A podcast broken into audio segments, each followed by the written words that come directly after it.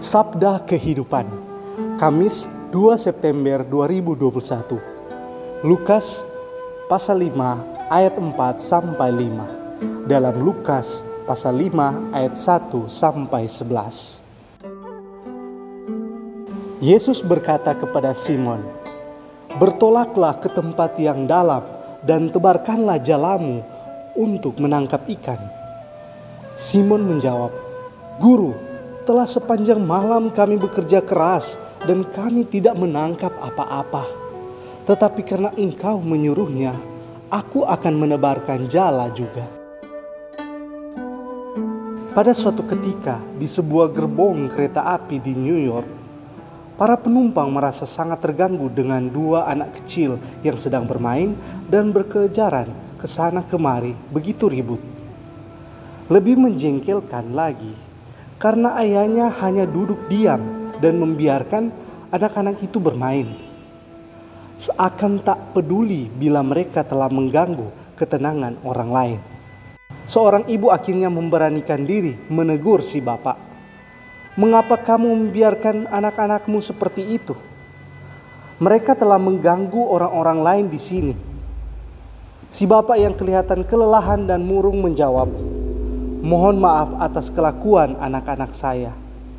Dua hari lalu mereka baru saja kehilangan ibunya. Semua yang di kereta itu terdiam dan dengan penuh kasih memandang dua anak itu dan membiarkan mereka bermain. Kali ini tanpa merasa terganggu. Dalam Injil hari ini, Yesus mengajak kita untuk bertolaklah ke tempat yang dalam. Duk in altum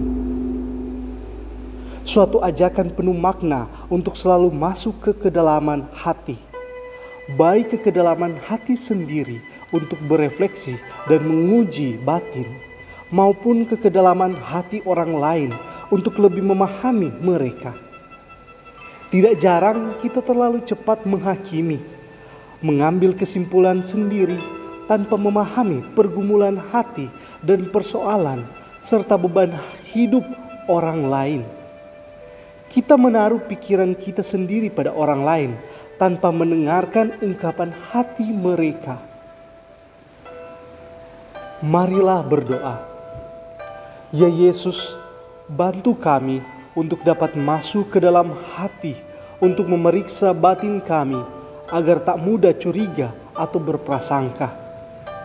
Terlebih lagi agar suara hati kami menjadi semakin jernih biarlah pikiranmu menjadi pikiranku, suara hatimu menjadi suara hatiku juga.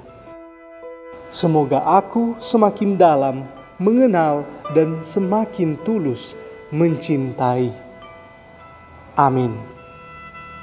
Selamat beraksi dan berefleksi, kiranya Tuhan mencerahkan pikiran hati kita. Pastor Revitanot, PR